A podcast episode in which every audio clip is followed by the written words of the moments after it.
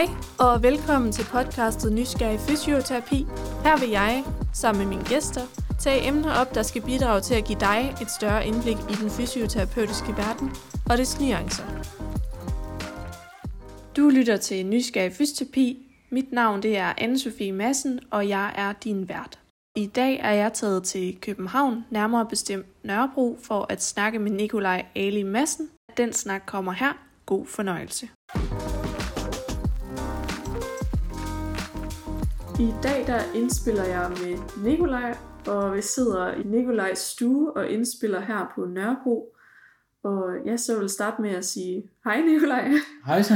og, og tak fordi vi må sidde her og, og indspille. Jamen, det er hyggeligt. Ja. Tak fordi vi kom herover. Jamen det, det vil jeg da. Ja, og ja, lyden er måske også lidt anderledes, men øh, ja, vi håber det, det går an. Det er autentisk, man kan høre ja, lyden af lejlighed. overboen, der ja. trammer rundt. Ja. Ja. Men øh, lad os lige så stille gå i gang.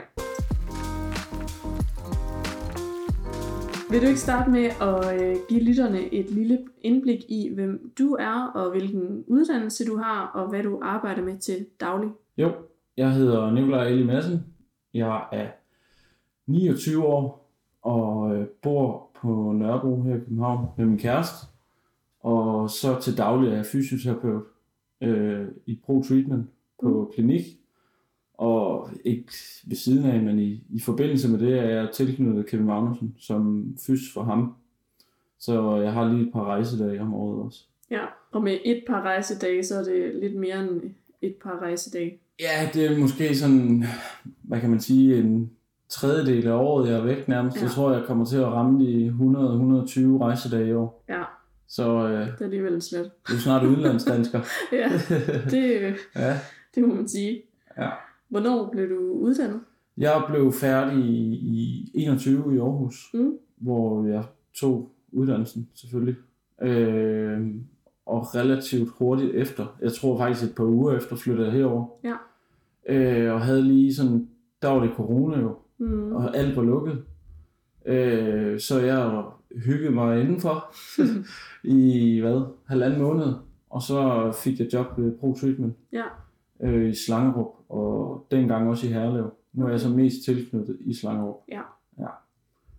Og der fungerer du sådan som almen fys Ja. ja, på Lige klinikken. Præcis. Lige præcis. Ja. Ganske almindelig fys, der har knæhold, ryghold, Mm. Parkinsonhold, patienter med Parkinson, øh, almindelige, hvad kan man sige, dig og mig, der kommer ind med en, Mm. ondt i skulderen, eller Ja. hvad det nu kan være. Ja. Så det, det spænder bredt fra sådan alle aldre og ja, Mm. alt mellem himmel og jord. Ja. Hvad fik dig til i sin tid at søge i retning af at, at uddanne dig til fysioterapeut? Er det noget, du altid har vidst, at du ville? Nej, det nej, det er det egentlig ikke. Det kom relativt sent faktisk. Mm. Mm. Det kom først, som jeg husker det, i, i slut, eller i start gymnasiet, Ja. øh, i forbindelse med, at jeg selv var til fys med noget, både noget knæ og noget lysk og noget ryg, øh, da jeg var gymnast, lavede teamgym inde i Mm. Odense. Og øh, så øh, tænkte jeg, at det var sgu egentlig meget fedt, faktisk. Mm. Mm. Øh, har altid godt kunne lide sport, jo, selvfølgelig. Ja. Øh, det tror jeg, der er mange fyser, der, der tænker. Mm. Øhm, og, og det tænker jeg jo selvfølgelig også, og har altid dyrket sport, og, Mm. mm. og, og har altid været draget af det at bevæge kroppen, Ja. øh, og blive god til at bevæge kroppen på nogle forskellige måder. Øhm, og jo, så mødte jeg den fysiker, som hjalp mig igennem øh, en masse skader, og det var mega fedt. Ja. Altså, det var jo sådan en menneskelig mekaniker på en eller anden Mm. måde. Øhm, og så tænkte jeg, det, det lyder sgu egentlig ret fedt. Mm. Og så øhm, søgte jeg ind i Aarhus øhm, efterfølgende, og så var så heldig at komme ind på Kvote Zoo. Mm. Øh, så det var, det var rigtig godt. Ja. Ja. Så fordi du havde en, en god oplevelse selv med at være til fys, og så kombineret med din interesse for sport og være aktiv og så videre. ja, lige præcis. Ja. Altså, der, der, der er jo ikke... Øh, I min omgangskreds, både før og, og nu, er der ikke som sådan nogen, der er fyser. Nej. Øhm, og, og slet ikke dengang, det var nærmest ikke noget, altså, man vidste godt, det var der, men det var Mhm. sjældent, der var nogen, der stiftede bekendtskab med det. Ja. Øhm, og, og det er også det, der nogle gange er lidt sjovt nu, det er det her med at sige, jeg er fys. Nå, Mhm. ej, hvor spændende, og Ja. sådan noget, fordi normalt så er det, eller ikke normalt, men, men man hører bare mange, som siger en masse andet, Mm. så det, det virker sådan lidt nichepræget på en eller anden måde, Ja. selvom vi er mange Mm. fyser derude efterhånden. Ja. Ja. ja, det begynder at være en del i hvert fald. ja, det gør der. Men, øh, men det er rigtigt, det bliver tit, føler jeg, også modtaget med sådan en, en stor nysgerrighed. Ja, det er Ja. ja. præcis. Og det er ret fedt også at snakke om, for der, der er ikke noget federe end at snakke med en, som er nysgerrig. Nej. Det kender man jo selv, Ja. altså, og har spørgsmål og sådan nogle ting. Mm, lige En, præcis. ja. Så da du så gik på uddannelse, eller da du søgte ind, havde du så allerede der tanker om, hvad du ville efterfølgende? ja, det havde jeg sådan set. Altså, jeg var meget sådan, jeg vil gerne arbejde med sportsfolk. Mm. Altså det har hele tiden sådan været min, sådan, mit drive på Mm. en eller anden måde. Øhm, og prøvede nogle forskellige, øh, havde nogle forskellige jobs for os at prøve noget forskelligt af. Ja, altså studiejobs. Ja, lige præcis. Ja. For, hvor jeg var øhm, spændingsinstruktør Mm. og sådan var på en, en, en virksomhed, som lejede os ud, eller hvad man siger, som Ja. massør på en anden virksomhed Okay. øh, for også at prøve sådan lidt det manuelle på en eller anden måde, og, og sådan nogle ting for at prøve de forskellige grene af det på en eller anden måde. Var handicapmedhjælper for en med cerebral parese, Ja. øh, som også var mega fedt. Så det var sådan også lige for at prøve af og se, hvad er det lige præcis, jeg ja. gerne vil. Øhm, og så var jeg i praktik på, har været på sygehus og sådan nogle ting, og, og det, det fangede mig ikke helt så meget, fordi jeg Mm. synes, det blev meget specifikt, eller meget sådan, at så er du på ortopædkirurgisk hofte knæ oftest. Ja. Det, nu skal jeg ikke sige, om det er lavet om, eller hvordan det er, men det, det kunne jeg godt mærke, at det der med, at det kun var et område, Mm. mm. altså hofte og knæ, eller en af dem, synes jeg, det, det blev lidt for specifikt, Ja. eller specialiseret for mig lige til en start. Så, så allerede der tænker jeg, okay, det er nok privatklinik, Mm. vejen, hvor man virkelig kan få alt mellem himmel og jord. Altså Ja. ja. både for de her lange forløb med nyt ACL, eller det kan være nogen, der kommer ind med hold i nakken, eller andet, eller har brug for hjælp til, de får i ryggen med Ja. dødløft, eller hvad det nu kan være. Så, så, og det synes jeg, det synes jeg virker mega fedt, at man måske sådan er meget åben til at starte med, mm. og så Mm. får fundet ud af, hvad, hvad kan man rigtig godt lide at Ja. arbejde med, og så senere i livet måske specialisere sig mere, hvis det nu Ja. er jeg ved ikke, store tone, man går op i. Så man jo, jeg ved ikke, om Ja. der er en specialist inden for det, men Det øh, kan godt være. ja, man ved aldrig. Nej. Eller så, det er en niche-ting for mig måske. Ja. Ej. Ja, Jamen, det kan godt følge, så det der med at, at skulle ud og, og skulle lære en masse om en masse forskelligt, og så finde ud af Præcis. derfra, hvad man synes var spændende. ja lige præcis. Altså, jeg- og det tror jeg også bunder ud i lidt den her sådan, øh, jeg har svært ved bare at sådan virkelig sætte mig ned og fokusere på én ting mm. i rigtig lang tid. Altså sådan virkelig, virkelig. Så bliver jeg sådan lidt, ja nu, ah, det her kunne også være sjovt, og det her kunne også være sjovt. Ja. Og der, der synes jeg egentlig, klinikken, eller privatklinikken, den er sådan meget, det er lidt meget mig. Ja, det her med, at så kan jeg have en patient, der ja, hovedpine, og så kan jeg have et barn med ondt i knæene, ja. eller hvad ved jeg. Øh, og det, den der sådan diversitet, eller den der sådan dynamik Ja. ja. mellem de forskellige, synes jeg er mega fed. ja. det kan jeg godt mærke, det er det, der drager mig. Mm, så det ikke Ja. det samme, man laver hele tiden. Ja, præcis. Ja. Præcis. Det Mm. synes jeg er fedt. Så, så du vidste i hvert fald, at du sådan gerne ville klinikvejen, og måske gerne ville noget sportsrelateret.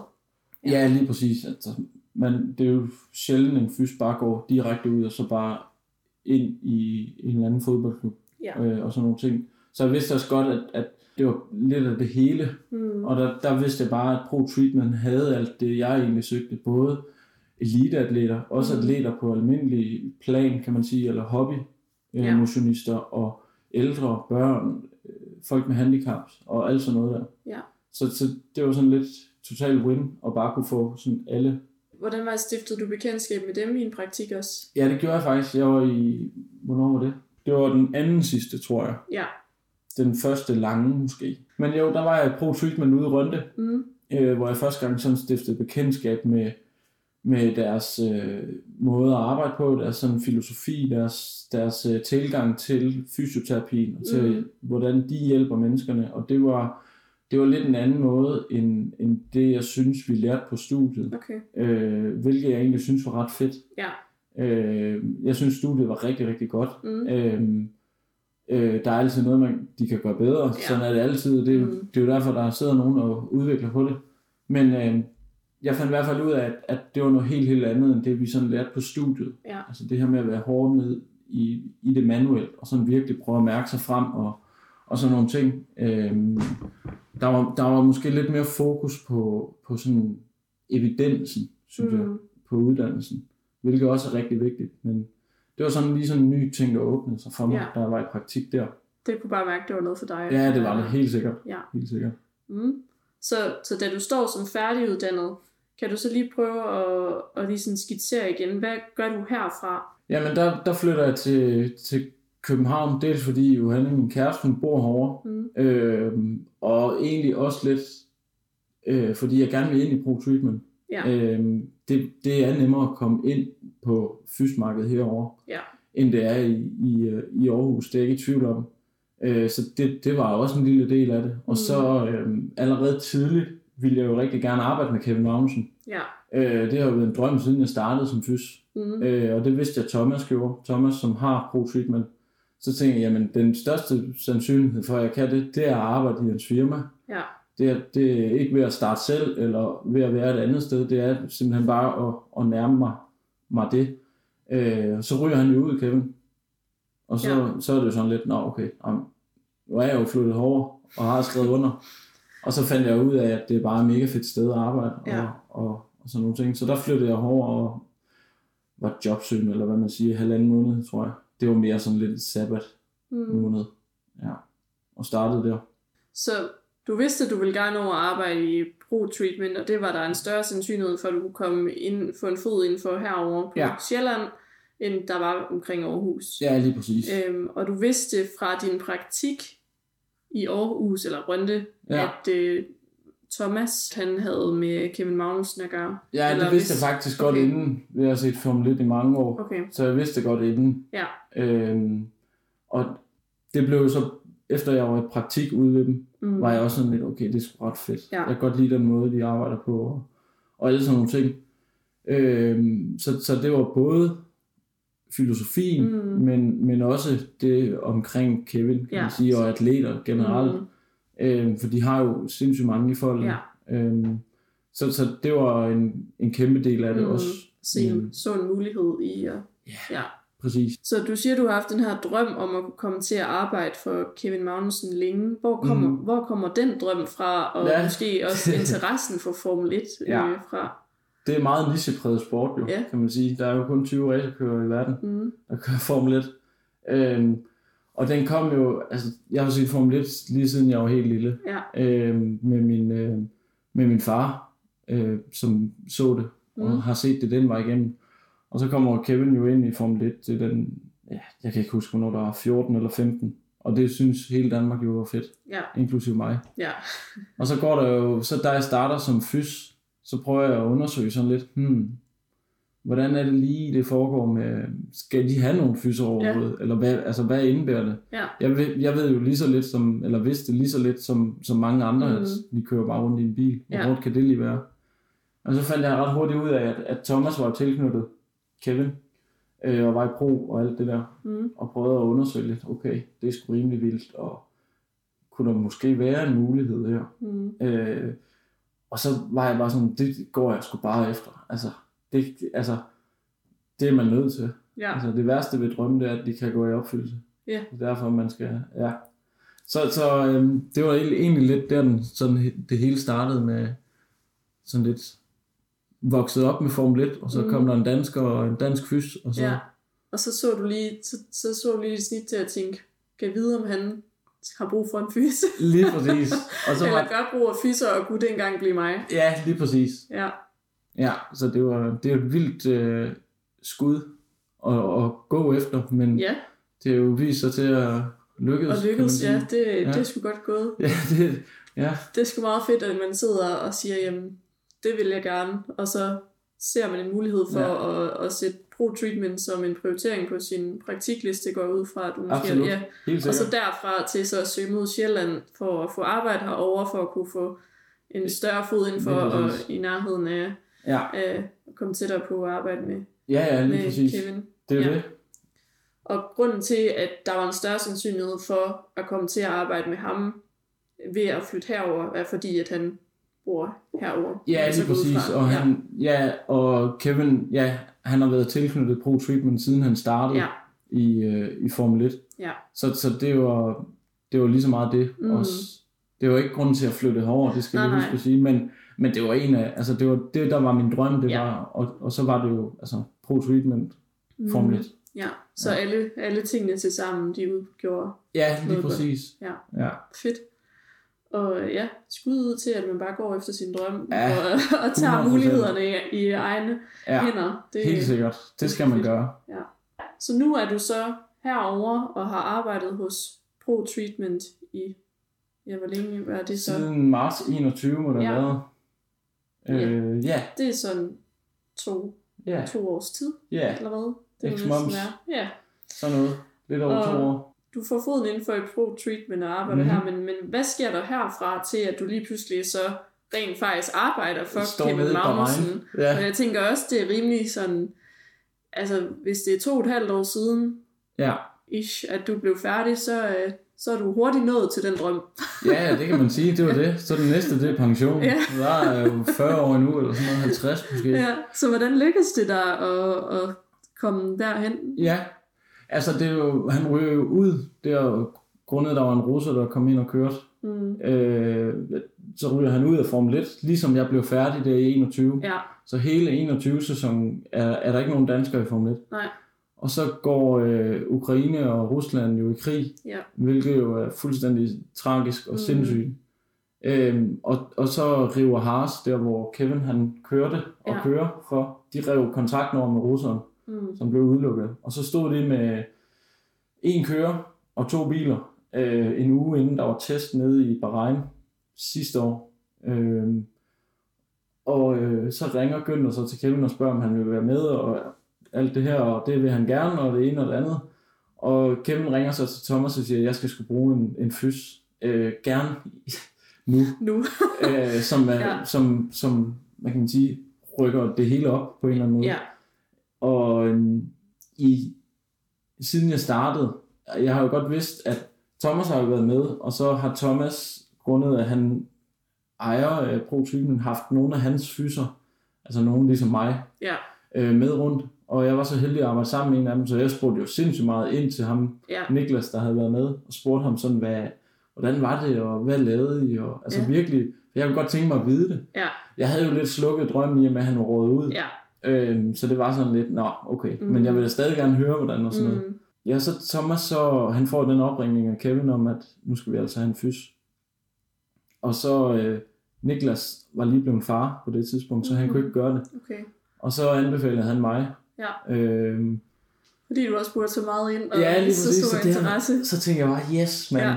det har givet på det. Fedt. Og, også Og være nysgerrig. mig. Ja, lige Ja. præcis. Og jeg kunne også forestille mig, det er jo sjovest at have en fys med, som egentlig går op i det, Helt atleten klart. laver jo. Det har nok en stor betydning. Øhm, og især noget, der er så nichepræget som det der, fordi Ja. ja. der skal man virkelig kunne sætte sig ind i, og altså det er jo tonsvis af timer, vi bruger på at snakke om Formel 1, Mm. så, så der skal jeg jo også kunne vide, okay, hvad, hvad det indebærer, Ja. sådan helt det vi ser-agtigt.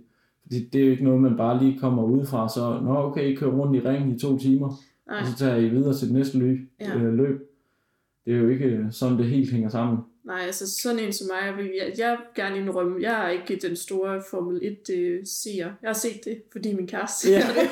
Men Ja. ja, ja, Så jeg vil ikke vide særlig meget, så jeg tror da virkelig, det har en kæmpe betydning også for, for ham, at der kommer en fys, der rent faktisk har en interesse i Helt det, og forstår, hvad det handler om. Helt sikkert. Altså en ting er sådan det fysiskmæssige, skulle jeg jo selvfølgelig sådan lidt lære og, og finde ud af, hvad, hvad er det for nogle Hvad kræfter og sådan noget. Ja. Men, men ud fra sådan min viden omkring Formel 1, igennem alle de år, jeg har set, det havde jeg jo sådan lidt en, en forestilling om, hvad det, hvad det indebar. ja, Øhm, så, så jeg tror også, det er det, Thomas måske meget gik efter, at okay, der er en, der er sindssygt interesseret i det, ja, og virkelig vil det her, og er klar på at rejse 100 dage om året. Mm. Mm. Det er de færreste, der måske lige er det. lige har muligheden for Ja, det også, måske ja, med, absolut. med livet derhjemme. Helt sikkert. Ja, Og, og der var jeg jo bare det helt perfekte sted i mit liv med, Ja. med en herhjemme, som vidst, at det var min drøm, Ja. og bare har bakket op om det, så Ja, det gjorde det jo heldigvis også nemmere. Mm. Men øh, jeg tror da også, at hvis hun havde vidst, at jeg var væk 100 dage om året, så, Så måske ikke sagt så, ja. hun ikke, så hun ikke synes det var så fedt igen. Nej. Hun er heldigvis med øh, i ny og næ, og, Okay. og kender dem, og så vi, Ja. vi laver også noget, når det er. Sådan Ja. så det er jo mega fedt. Ja. Ja. Sejt. Så du bliver lige pludselig ringet op, eller hvad sker der så? Jeg blev ringet op øh, af Thomas øh, en søndag morgen, og så øh, siger han, ja, Kevin han er sgu på vej tilbage i Formel 1. Du må, du ikke, du må ikke sige det her til nogen, men, men Kevin er altså på vej tilbage i Formel 1. Vi mangler en fys, og vi kunne godt tænke os, at det var dig. Øh, og så var jeg sådan lidt, jamen, fedt, altså jeg er bare klar. Ja. altså, jeg vidste godt, at Bahrein-løbet var relativt tæt på, det var halvanden uge Mhm. mm. efter. Så jeg vidste godt, okay, det er nu her. Ja. Og så siger han til mig, ja, altså, har du et pas, der er gyldigt? Så siger jeg, ja, ja, selvfølgelig har jeg det. det er på fredag, du skal afsted. Og så var det, og det var jo fem dage inden, eller sådan noget, jeg fik det at vide, sådan, jamen selvfølgelig. Og, Ja, du var bare klar. ja, ja, så der var lige nogle, der var lige noget, jeg skulle have været i teater med min mor, tror jeg. Hvor jeg var nødt til lige at sende en, en anden end mig Ja. derhen. Så der var lige nogle ting, der skulle gå op i en højere enhed, men, men der var jo fuld forståelse for det, Ja. alle veje rundt. Og det er det gode ved også nogle gange at fortælle sin drømme. Ja. Det er, at så er der sgu egentlig lidt større opbakning faktisk. Ja, ja, så ved det da, når man så opnår det. kommer og siger det, at det, okay, Præcis. det skal, det skal han. Lige præcis. Ja. I stedet for at man går og siger, jeg har lidt en skjult drøm, Mm, som jeg lige har opnået. Nå, men det har du da ikke fortalt om. Så står man der og sådan skal forklare sig. Ja. Så det er også et skud ud til folk, der drømmer. Det er at huske at fortælle dem til, mm, til andre. ja. Det, Man ved ikke, hvem der lytter med, eller Nej, pludselig sidder en dag og mangler det er jo det. Altså, person. det, det er jo ikke sådan, det er altid, men, men i mit tilfælde var jeg jo så heldig, at ja. øh, sol og måne og stjerner, de stod lige og Ja. pegede ned på mig. Ja, Ja, fedt. Mega fedt. Og hvad så, så, så, hvordan fungerer det så? Altså, så rejste du ned selv, eller mødtes du med holdet, eller nu, jeg ved Ja. jo ikke særlig meget Nej, om nej, det, men, men hvordan fungerede det? Hvordan fik du startet den ja del? den sindssyge rejse, det nu Ja. ja. er blevet. Jamen, øh, jeg tog afsted der fredag faktisk med en personlig træner. Gavin har jo slet ikke kørt noget, der ligner Formel 1. Nej. Og, og det er åndssvagt hårdt generelt at køre Formel 1, og ikke noget, der kan sammenlignes med andre racerløb. Øh, så der var brug for noget træning. Ja. Øh, og så, så havde vi egentlig en personlig træner med dernede til at starte med. Øh, og så var jeg dernede, og så Thomas var også med dernede, for han kendte jo til alt det, der, der ikke havde noget med fys, kendte han jo også rigtig, Ja. rigtig godt, mm. Mhm. i forhold til, hvordan er man, hvad skal man gøre, øh, alle de her ting her. Ja. Ja. Så der lærte han mig alt det der øh, til testene. Øh, det var så lør, fredag lørdag, må det have været. Nej, lørdag søndag, tror jeg. Og så tog han egentlig hjem, og så, øh, så trænede vi og behandlede vi øh, ugen op til øh, selve løbet. Og så kom Thomas derned igen, Okay. og, og tog sig løbet og sådan noget, så jeg kunne se, hvad er det lige, vi skal Ja. gøre, og sådan nogle ting. Og så var det ellers bare, nu har vilddyr, og så Ja. afsted. Og så tog jeg øh, mange af de andre løb. Ja. ja. Så det var sådan lidt kastet ud Ja. fra en bro, havde jeg sagt, kastet for løverne, Ja. hvilket er mega fedt. Det synes Ja, jeg ja, fordi det er jo også sådan, man lærer det. Ja. Sådan, Men det er det lige lidt hurtigere på den måde. ja. Så laver man nogle fejl og finder ud af det, og, og det er mega fedt. Mm. Det, er en, det er en fed læringskurve Ja. at blive kastet for løverne. Det har jeg altid synes var ret fedt. Mm, Selvom det er sådan lidt angstprovokerende i starten. ja. Men øh, så er man også mere ops på, hvad man gør. Ja. Ja. Så hvordan var det så at møde ham? Fordi at, som jeg hørte, så har han nok også været lidt sådan et idol og Ja, ja. en drøm at komme til at arbejde for ham. Så hvordan var det så at komme ned og så stå over for ham og lige pludselig stå der og være hans fys? ja. Jamen det er jo, det er jo sådan skør. Øh, det, var, det var ikke skørt, men det var en skør tanke inden. Mm, Det her med, okay, jeg har set ham her køre uendelig mange omgange i en Formel 1-bil og tænkt, kæft, hvor er det vildt, og virkelig været, altså han, han var mit idol, det er han stadig, Ja. er jeg nødt til at sige. men, øh, men så det var jo lidt, lidt en skør oplevelse at komme ned til morgenmaden på et eller andet hotel i Bahrein og sige, hej, jeg hedder Nikolaj, og ja, jeg hedder Kevin, ja, det ved jeg godt. ja, det ved jeg godt. og så heldigvis så er han meget, meget stille og rolig, Ja. og, og vi klingede egentlig ret hurtigt, så, så, så det var ikke sådan lidt det her med, at oh, wow, der står han. Mm. Nu kigger jeg jo. Nu, nu sidder jeg og kigger op, det, det gør man ikke på ham, fordi han Det kan man ikke se. Nej, Men, racerkører er ret små. Ja, Øhm, så, så det var jo lidt vildt, men, men jeg vidste jo også godt, at jeg stod over for, altså det var mit arbejde, mm, så, så det blev også lagt lidt væk ja, ja. øh, på en eller anden måde. ja, så du stod ikke og var øh, total Nej. fan. fan Nej, lige præcis. Jeg skulle have skrevet under på alt, hvad han gjorde, og ja. hvad jeg gjorde og sådan noget. Nej, nej. Så ej, det var derfor, eller det var på den måde. Ja. Ja. Men var det lidt vildt alligevel, eller var du bare... Ja, det var det. Ja. Det var jo sindssygt vildt. Altså også det der med, og, altså, det er jo sådan bag Formel 1'en. Mm, Alle de ting der, alle den måde mekanikerne arbejder Mm. på, hvordan det skal spille sammen med de andre, og en milliard regler, og dopingregler i forhold til, hvad han må indtage, og han ikke må, og jamen, altså, der er bare så mange ting, aspekter øh, af det at være i Formel 1, som man ikke ser ja, Nogle når man andre sidder og steder. ser løbende. Ja, præcis. Ja. Når man sidder og ser løbene, så ser man bare, at de kører ud af pitten, ud på, øh, på startmål, og så Ja. starter løbet, bum, så kører de mm. indtil de er Mm. færdige. Og så er der nogen, der er glade, og nogen, der er knap så glade. Ja, så man kommer virkelig bag kulisserne og ser, er helt vildt. ser det hele. Ja, ja, og sådan de der tanker omkring op til og, og efter, og det her skal vi gøre bedre, det her, det var, det var super, eller hvad det nu måtte være. Mm. Altså Mm. det der med at virkelig være en del af teamet, og ikke kun af Kevin. Ja. Det er også en fed del af det. Ja. Det lyder, det lyder virkelig fedt, og især når du har haft interessen Ja, på forhånd, at så få lov at se, hvordan det hele det fungerer, og være en del af det lige pludselig. Absolut. Ja. Det er jo det. Altså, det er jo, når man går så meget op i det, som jeg gør, så, så er det jo en- endnu federe Mm. for mig at, at stå derinde også, og virkelig være med i, i kulissen, og ikke alt det, man læser, eller og ser, eller hører. Mm. Så det var mega fedt. Ja, vi holder lige en lille pause, men bagefter så dykker vi lige lidt mere ned i, hvad det egentlig er, der bliver lavet for noget slags fysioterapi inden for Formel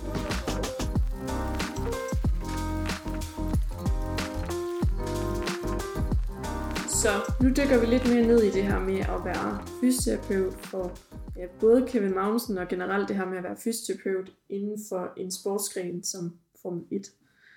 Og jeg tror, jeg sådan har et første spørgsmål, og det er sådan, har alle Formel 1-kører egentlig deres egen fysioterapeut, eller har man fysioterapeuter som et team?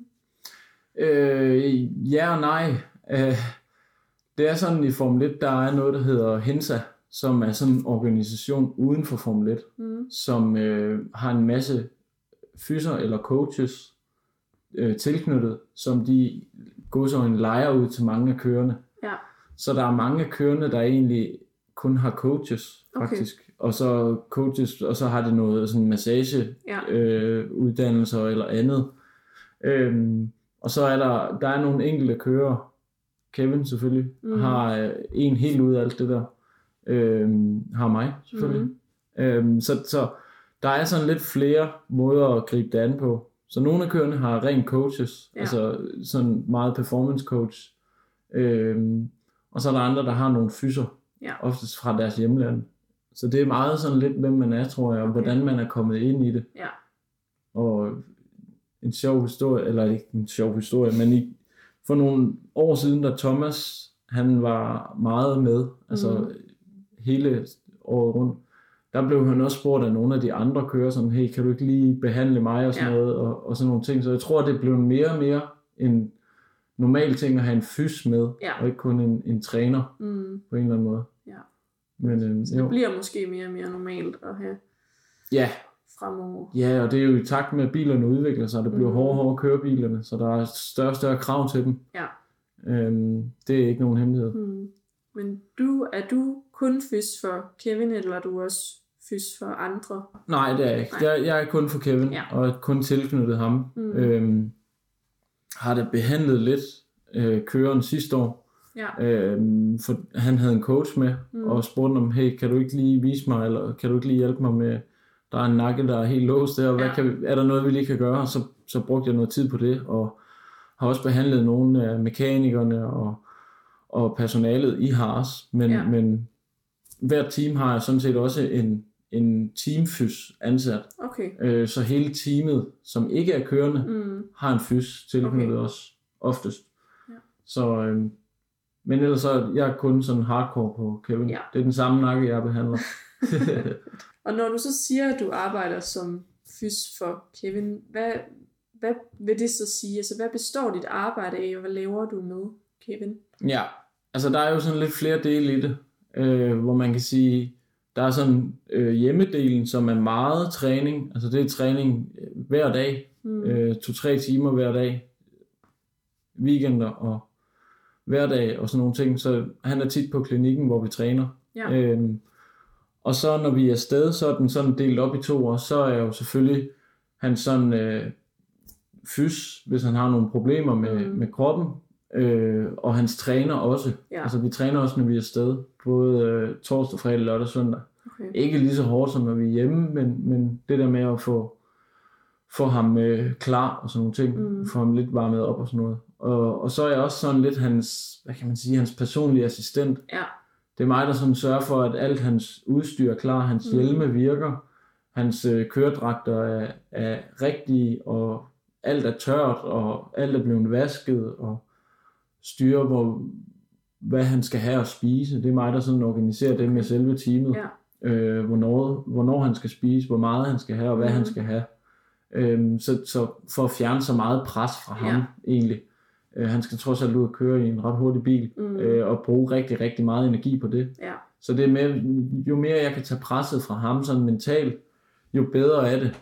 Øh, og jeg har tid til at kunne tage mig af det, og også en indsigt i, øh, hvad der skal gøres. Mm. Så det er sådan lidt delt op i sådan lidt PA eller personlig assistent Ja. og, og fys, Ja. skråstrej træner, Ja. kan man sige. Ja, Og kostvejleder. ja lige præcis. Og ven, Ja. og ja, komiker, og ja, alt muligt. Man skal, man skal mange ting, Ja. når man er afsted. Fedt. Ja. Nu siger du, at øh, I træner to-tre timer om dagen. Ja. Hvad består den træning af? Jamen, det er jo, det er egentlig meget forskelligt, kan Mm. man sige, fordi i sådan en preseason, inden løbene kommer, kan vi have nogle meget længere og hårde sessions, og vi kan sådan tænke, okay, teamet vil gerne have, at han vejer lidt mere til den her sæson her, så der har vi arbejdet rigtig meget med hypotrofi og prøvet at bulke ham lidt, mm. altså Mm. få ham op i vægt. Ja. Så det har været meget sådan konventionel øh, styrketræning Ja. med alle mulige forskellige parametre, samtidig med at vi skal have en træning af noget reaktion og Mm. noget hand-to-eye og, og sådan meget noget balance også og sådan noget. Så det, det er egentlig sådan hele paletten Ja. sådan i preseason. Og når vi så kommer ind i sæsonen, så er det også meget hans feedback, øh, hvis han siger, okay, det er godt, min underarm er helt smadret. Mm. Øh, der er jo stor forskel i løbene, og vi kan ikke nå at træne ham op til hvert løb, ligesom en, en bokser for eksempel, Nej. hvor, hvor man har et specifikt mål. Hvor her, der, der skal du have en sådan grundform, du skal have en sindssygt god kondition. Øh, du sidder alligevel med, jeg kunne forestille mig, den ligger nok omkring de 140-150 i de der to timer, altså en puls. Ja. Samtidig med, at du er spændt fast, så du kan ikke, altså han ligger hele tiden på kanten af hyperventilation, Ja. ja. fordi han kan ikke trække vejret ned. Han kan ikke få diafragma til at aktivere på samme måde, Mm. som når vi sidder og kan få åbnet ribbenskassen og sådan nogle ting. Så det er også noget af det, vi arbejder med. Mm. Så der er jo både sådan endurance, eller sådan udholdenheden, Mm. og en masse, masse styrketræning. Lidt mere specifikt end måske mange andre, især nakken, øh, men også bare sådan almindelig brystpres og ja. alle sådan nogle ting. Så det er meget forskelligt, hvorhen i sæsonen vi er. Ja. Så det vil sige, der er både sådan meget hardcore styrketræning, men der er også cardio, og Ja. der er også balance, reaktionsevne. Ja, Ja. præcis. Jeg har fået et spørgsmål omkring, om man sådan kan sige, hvor meget styrketræning man laver versus cardio. Mm. Vil, Mhm. du, vil man kunne sige det? Ja, det, det vil man jo egentlig godt, men det er også lidt i forhold til, hvornår i sæsonen Ja. vi er. Altså i, i preseason, og, eller i den her preseason, har det været meget det her med, vi skal have ham, vi skal have, virkelig have noget kød på ham. Ja. Øh, så der har været lidt mere fokus på, på styrketræning. Mm. Øh, men, men styrketræning ligger altid rigtig, rigtig højt. Ja. Øh, Så altså, når du siger højt, snakker vi intensitet. Ja, lige præcis. Ja. Hård styrke. Mm. Vi skal have ham stærkere, vi skal have ham større og sådan nogle ting igennem sådan mere eller mindre hele sæsonen. Mm. Samtidig med, at vi har noget, noget core. Ja. Øh, og det er jo det gode ved, at jeg har ham, eller træner med ham to-tre timer om dagen. Det er, at du kan nå alt Ja. rigtig meget. Og, og der har jeg også måske gjort meget brug af sådan min, ikke karriere, men min, altså, jeg har dyrket meget crossfit Ja. førhen. Så der bruger jeg meget af det her, fordi der, der kan du lidt kombinere det her med høj intensitet og styrke. Kropstræning. Ja, lige ja. præcis, og virkelig bare øh, brage igennem. Mm. Øhm, så, så en stor, stor del af det er styrketræning, Ja. men, men der sættes også krav til, til cardioen, fordi det, er trods alt to timer, og du kan ikke holde ind til siden og så lige strække benene og sådan Nej. lige få pusten. Så der Øhm, skal være en god udholdenhed det også. skal der. Ja. der. Der skal være en rigtig, rigtig god udholdenhed. Mm. Både i musklerne, men også sådan, altså træthedsmæssigt, Ja. kognitivt og alle de her ting her. Så, mm. så der er sådan mange aspekter, der spiller ind. Du har sådan lidt en, hvordan skal jeg sige det? En, der skal være stærk, øh, altså virkelig, virkelig fysisk god form, Ja. Samtidig med, at han skal have sådan lidt den der e-sports-lignende Mm. tilgang, altså det der Ja, med, med reaktionsevne, ja, reaktionsevne, øh, mange ting Fokus. på, ja, mange ting på samme tid, altså Mm. når han ligger og kører ned ad langsiden, kan han nu få i meldingen, du skal gå over i den her engine mode, så skal han køre, og samtidig sige, copy that, eller et eller andet, slå Ja. radioen fra, slå den over i den her engine mode, Ja. hvis han skal til at bremse, hvis han skal dreje, skift gear, øh, Mens han kører med, jeg ved ikke, hvor mange kilometer. 330 km i timen. Ja. Altså, så der er bare så sindssygt mange parametre, der spiller Ja. ind, og det er jo også noget, der var en stor sådan, øjenåbner for mig, Mm. tror jeg, i starten. Ja, fordi det var også et spørgsmål, jeg har med, at jeg tænker, at du må næsten have mødt den meget sådan nogle fordomme omkring det her med Oh. at blive overhovedet hårdt Ja, og, og være racerkører. Hvad, hvad har du mødt af fordomme? Er det bare den sætning, eller er der, er der mere til det? Jamen, altså, det er jo meget det der med, at jamen, han kører bare en bil. Mm. Hvor hårdt kan det være? Ja, Og jeg, og jeg tror, jeg kan godt forstå, at de, de har de tanker. Ja. Det, så tror jeg også lidt, jeg selv havde Ja. faktisk. Men, men når man ser, hvor smadret en person kan være efter to timer, mm. Og når han begynder sådan at gå ned i tallene med, hvor hårdt det er at køre det, altså øh, G-påvirkning er en kæmpe, kæmpe del af det. ja. Og øh, så begynder man virkelig at få sådan en, okay, du skal virkelig, virkelig være i vanvittig form. Og det er mange parametre. Det er ikke sådan, du bare skal løbe øh, stille og roligt i dit tempo, en maratonløber. Du skal også have det her med, at du skal kunne altså, have meget med arme og, Mm. øh, og fingrene at gøre, samtidig med, okay, jeg skal bremse ved det her punkt her. Så det er jo, der er så sindssygt mange aspekter, og det er bare, øh, altså G-påvirkning er en, er en ting for sig, hvor Ja. hårdt det er for nakken Ja. især. Hvis nu lige skulle sidde nogen og ikke vide, hvad G-påvirkning er, så kan du Ja. prøve at forklare. Ja, G-påvirkningen er, er den påvirkning, øh, kroppen sådan bliver udsat for, øh, i bestemt, altså når han bremser, når han Mm. drejer, når han gasser op og sådan noget. Det må så hedde, altså hvis en G-påvirkning hedder 4, så er det fire gange ens kropsvægt, Ja. der bliver påvirket. Det Mm. vil sige, hvis han vejer det ved jeg ikke, 100 kilo, så er det 400 kilo, han bliver trykket med. Ja. Og, og det er, hvad kan man sige, jeg tror det gennemsnit ligger på i svingene mellem 5 og 7 G Okay. cirka. Nogle sving er meget værre. Altså Ja. sådan en bane som Saudi-Arabien er fuldstændig vanvittigt hård for dem. Mm. Øh, hvor der er andre baner som Monaco, øh, Ja. ja. som er en bybane også, men det er nogle langsomme sving, det er ikke så hurtige sving. Der er G-påvirkning ikke, ikke Mm. lige så stor. Jeg siger, det er sådan noget, man ikke tænker over, når man Ja. bare sidder og ser. Nej, lige præcis. Løbende, ja. Altså, det er jo det, der er så vildt at tænke på, at, at forestil dig, at jeg står og trykker syv gange Ja. din hovedvægt. Altså forestil dig at skal holde den, Mm. ikke kun i den ene side, men så når du bremser, skal du holde nakken. Ja.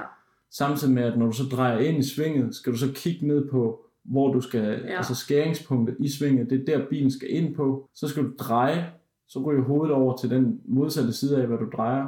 Så det, det er lige pludselig alle de der små muskler, man ikke rigtig tænker over, man har i nakken, der Der er meget der er muskelkraft, ja, der skal Det- til for at stå imod den Lige kraft. præcis. Og så kommer udholdenheden oveni, fordi Mm. mm. altså, det er jo det samme sving. Altså, der Ja. er jo 14 sving, nu ved jeg godt, det er forskellige sving, Ja. men, men lad os bare sige, der er måske 14 sving på en bane, Ja. 17 nogle gange, øh, i to timer. Mm. Det er jo, afhængig af længden, så er det jo 60 omgange. Ja. Så du kommer igennem det sving Ja. der, sådan semi mange gange. Mm. Og det, og det, det er virkelig, virkelig, Ja. ja. altså, vanvittigt hårdt. Mm. Jeg, tænker, jeg tænker, når man får det serveret på den måde, så kan ja. Man virkelig godt forstå, hvorfor det er hårdt, især, særligt for, for nakkemusklen, men også for, for hovedet, det Ja. her fokus, vi til. Altså sådan noget som øjenmusklerne skal jo også arbejde konstant og meget. Helt sikkert. Og, Ja, ja, jamen, og det hele er jo på, på højeste alarmberedskab. det er det virkelig, altså. Og, og, og så kommer der også det aspekt ind, kan man sige, hvis bilen ikke gør, som man tror, den gør. Ja. Hvis den begynder at skride eller et eller andet, så skal du jo så skal du korrigere for det. Så skal Mm. du lige pludselig, når du kommer med 180 ind i et sving, og bagenden begynder at, øh, at skride ud, så skal du begynde at rette op Ja. og dreje den anden vej. Ja. Samtidig med, at du stadig kigger på og finder ud af, okay, er det spiner eller gas, eller hvad er det, vi, vi arbejder med. Mm. Så det er, øh, altså, det er vanvittigt, så mange forskellige aspekter, der, ja. der er i spil. Hvad med sådan noget som armene, tænker jeg? Mm. Altså er det også noget, han, det må han vel også blive træt i, Ja. eller hvad? Det er det også. Altså, og det er jo meget også forskelligt fra bane til bane. Mm. Altså, hvor man kan sige sådan en bane som Azerbaijan, hvor der er en rigtig, rigtig lang langside. Der kan han lige sådan bevæge ja, fingrene, fingrene lidt. ja. Øh, hvor, hvor sådan en bane som øh, Saudi, i Saudi-Arabien, der er det hele tiden sving. Der er ja. næsten ikke nogen, så der er du hele tiden i gang. Mm. Og du kan ikke bare lige sådan lige ryste armen, Nej. eller sådan, du kan ikke køre med en hånd. Altså for det første, så har du ikke kræfter til at kan hverken dreje eller noget, og du skal skifte op og ned og sådan nogle ting. Ja. Så, så armene er også noget, der virkelig, øh, virkelig bliver påvirket. Kåren Ja, ja. også for den sags skyld. Hænder og fingre, som du siger. Præcis. Ja, forestillingen om, at man skulle gribe om noget så længe, så kender man godt, så bliver ens fingre jo helt øh, Ja, ja. følelsesløse. Og, Jamen, Ja. altså sidde med en elastik, og så prøve at dreje den Ja. i to timer. Altså, samtidig med, at der er en, der holder på dit hoved i forskellige retninger med mm, 4-5 gange din egen kropsvægt. ja. så begynder det, eller hovedvægt, så begynder det ligesom at blive ret hurtigt hårdt. Ja. Ja, Det, det lyder ja men det, det, hårdt. det, altså jeg er virkelig, over, altså virkelig overrasket over, hvor hårdt det egentlig var. Ja. helt specifikt. Hvad, hvad kunne det så være for, hvis vi snakker styrke, hvad kunne det så være for nogle øvelser, I laver? Ja, altså der er jo selvfølgelig sådan klassiske øvelser som bænkpres og alle de der Mhm. ting der, hvis man skal gøre det sådan lidt, altså, så det er meget sådan det der fitness, Ja. øh, fitnessøvelser og sådan nogle ting skal vi jo selvfølgelig have. Ja. Men også der, hvor, hvor vi som fyser også er rigtig, rigtig gode, det er, at, at vi kender alle, eller mange musklerne i kroppen. Vi ved, hvordan de arbejder, og hvorfor de arbejder sådan. Så vi kan gå ind og arbejde med nogle af sådan de der helt specifikke muskler. Mm. Øhm, og det er jo også noget af det, vi, vi træner meget. Helt specifikke muskler i skulderen, eller øh, især i nakken.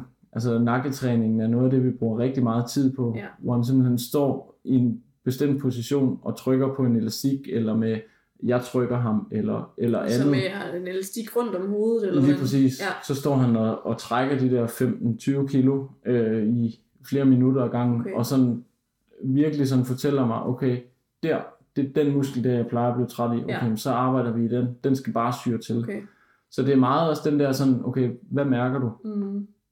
Og hvad ved jeg? Hvad er det for nogle muskler? Er det de helt små? Er det sternumklejderne, vi skal have styrket? Ja.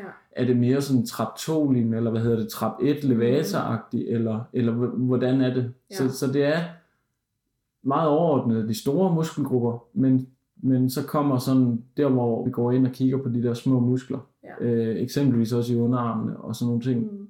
Så meget det hele. Ja, så er virkelig hardcore, at det er der, når det begynder virkelig at syre, så skal ja. Det bare blive ved. Ja, ja, fordi han, han kan jo ikke stoppe, når Nej. han er i bilen, så vi, vi skal derud, hvor Ja. vi næsten begge to græder. Nej, Mhm.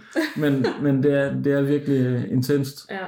Hvordan, nu sidder jeg sådan og tænker, hvis man træner så hårdt styrketræning, hvordan får man det til at gå op med sådan noget i forhold til restitution? Jamen altså, man kan sige, når vi har, når vi kan træne 5 til syv dage om ugen, Ja. så kan vi jo heldigvis dele det op, fordi det er jo ikke noget, jeg bare dræber hans, hans krop øh, på tre timer hver dag. Nej. Så det er jo meget sådan split, Ja. splittet op. Øh, som udgangspunkt, så rammer vi stort set nakken hver, hver dag. Okay. Øh, lige, efter, øh, lige efter han har kørt øh, om søndagen, der er den jo meget smadret, så der lader vi Mhm. den lige. Men ellers så kører vi den sådan relativt, ikke til total udtrætning, men ud, hvor han kan mærke, okay. Okay. Og så i, afhængig af, sådan, hvis det er preseason, så kører vi sådan lidt mere intensivt på, giver lidt hvile intensivt på. Øh, og det er lidt det samme sådan med, med, med, med de andre muskelgrupper. Det er ikke sådan, at jeg bare smadrer hans skulder i tre dage, og så, øh, så kan han ikke bevæge armene i, mm. i en uge. Det er meget sådan det her med, hvor jeg også synes, at vi som fyser også er mega gode til det der med at finde ud af, øh, med restitution og alt sådan noget, Ja. kosttilskud, hvad skal vi, altså det er jo sådan lidt en ny ting for fyser, men, Ja. men stadig så det der med, vi ved, hvordan musklerne virker, vi ved, Mm. hvad de kan og hvad de ikke kan, så må vi arbejde inden for det. Ja. Øh, og hvis man så, nu er jeg måske også lidt hjulpet af, at jeg har dyrket ret meget styrketræning, Mm. mm. crossfit, så jeg ved godt, hvad kroppen sådan Ja. mere eller mindre kan og, og ikke kan, og hvad den har brug for, fordi restitution er en, er en lige så vigtig ting som træning. Mm. Øhm, så det, det er jo også noget af det, vi arbejder meget med. Ja. Ja. Så, altså, så det kan godt være sådan, at I træner skuldre en dag, hvor I kører ja. den ud til der, hvor det, Ja, det syrer, og det, det er rigtig hårdt. Og så dagen efter, så laver I ikke skuldre, eller laver I så stadigvæk skuldre, men mindre.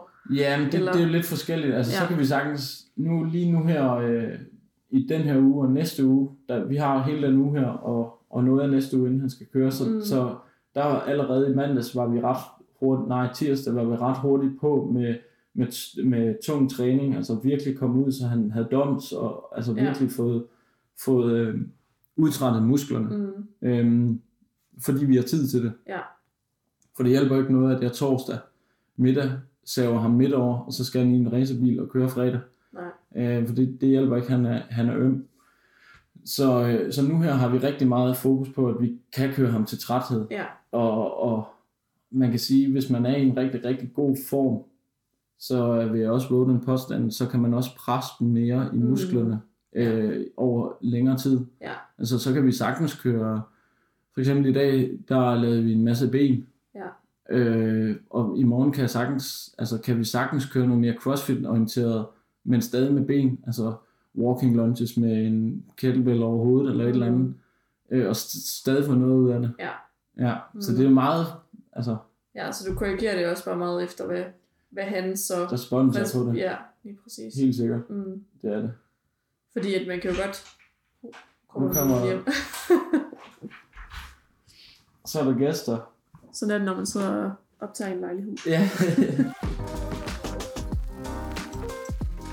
Jeg tror, det vi kom fra, det var, at du, du lytter bare meget på hans respons Ja.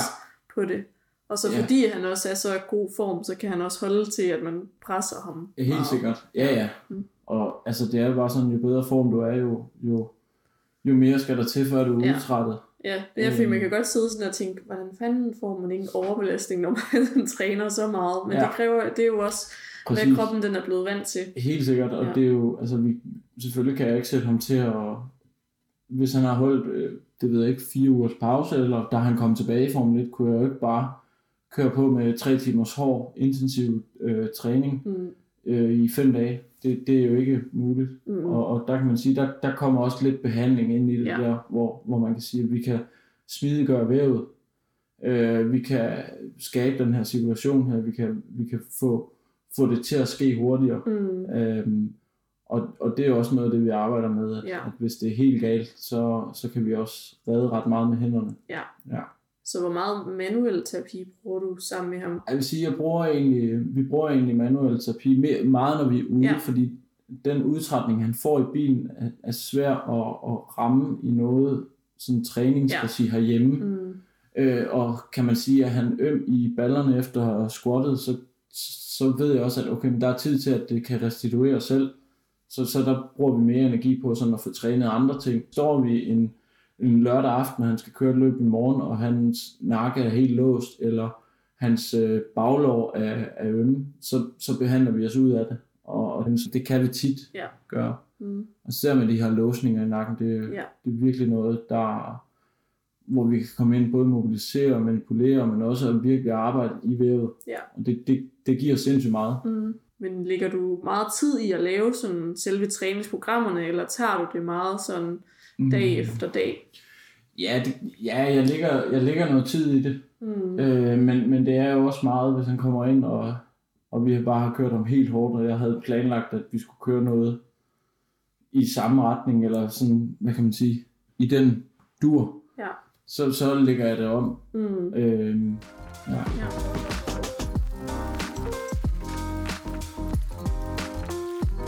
Når I er afsted på, på rejserne i forhold til løbene, hvordan fungerer det så? Hvordan ser de dage ud? Jamen, øh, normalt så tager vi jo afhængig af, hvad for nogle løb der er. så tager vi afsted nogle dage inden. Hvis det er de europæiske løb, hvor der ikke er nogen tidsforskel, så tager vi afsted så, så sent som muligt. Mm. Øh, men så om torsdagen, der er det sådan en mediedag hele dagen, øh, hvor jeg går og får styr på alle tingene omkring øh, drivers room, altså alt hans udstyr, maden, får, får planlagt alt det, imens han øh, laver interviews til alle mulige. Og så om fredagen, så er der jo to træninger, øh, hvor vi, øh, når vi vågner, lige får lidt morgenmad, og sådan lige får ham lidt i gang, laver lidt, lidt øh, træning og sådan lidt, og så tager vi på banen. Og så øh, inden han skal i bilen til, til træningerne, eller kval eller race, så, så laver vi noget stille og rolig opvarmning. Jeg arbejder lidt i lidt øh, triggerpunkter for sådan at, at hvad kan man sige, vække systemet mm. i godsøjne, og prøve at få sådan lidt en stimulering på en eller anden måde.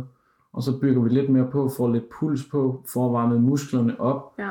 får lidt øh, koordinationsøvelser indover, får nogle reaktionsøvelser indover, så han sådan er, er tændt, altså Mm. både mentalt, eller sådan, ja, mentalt, kognitivt, men også øh, fysisk. Ja.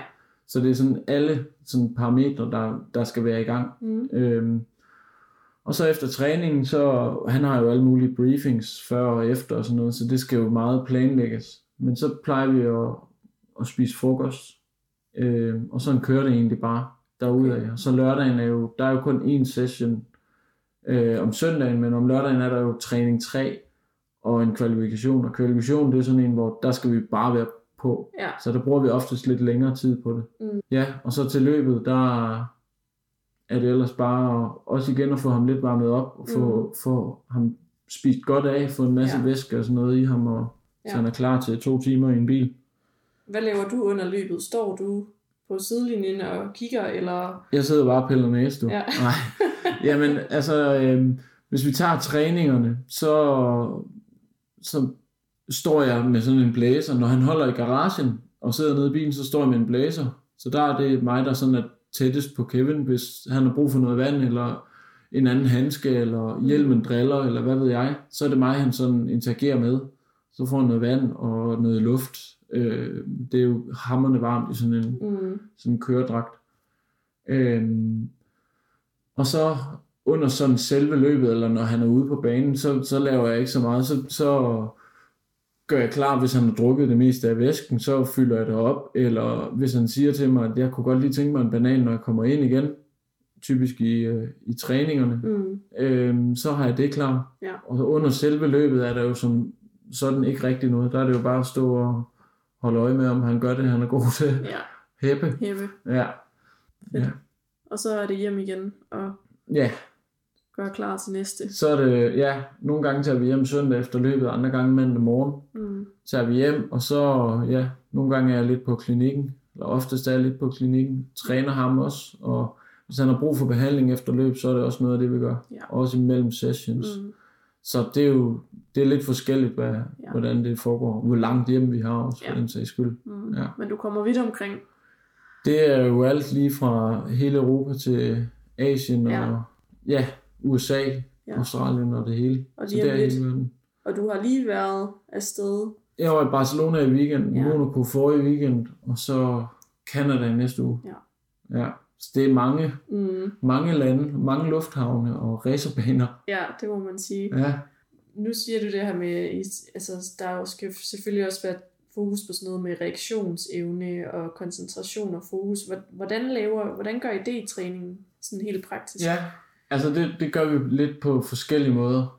Når vi er i Danmark og sådan nogle ting, kan jeg godt lide at måske presse ham til, hvor han virkelig har høj puls. Mm. Altså Mm. virkelig kommer op, hvor han er presset, ligesom når han er i, i bilen. Mm. og så sætte ham til at lave et eller andet. Det kunne være at jonglere, eller gribe de her bolde, Ja. eller bruge de her, øh, hvad det hedder, blaze pop, tror jeg det hedder. Mm, ja, de der med farver. Ja, lige ja. præcis. Hvor han så skal lave en eller anden, øh, hvad kan man sige, kombination, ja. eller trykke på dem hurtigt. Øhm, det er noget af det sådan hand to eye, vi bruger meget. Og når vi er afsted og sådan nogle ting, hvor, hvor vi skal have ham varmet op til, når han skal i bilen og sådan noget, så, så bruger vi også de her blaze pots til at få trykket Okay. og, og sådan nogle ting, eller tennisbolde, Ja. for så skal han gribe den. Ja. Øh, jeg ved ikke, om du har set de videoer, Jo. hvor, ja, hvor de står og holder en Ja. tennisbold, så slipper man man en af dem. mm. Ja, og det er sådan en god måde, både for begge systemet på, mm. på en eller anden måde, men også at, at træne det samtidig med. Ja.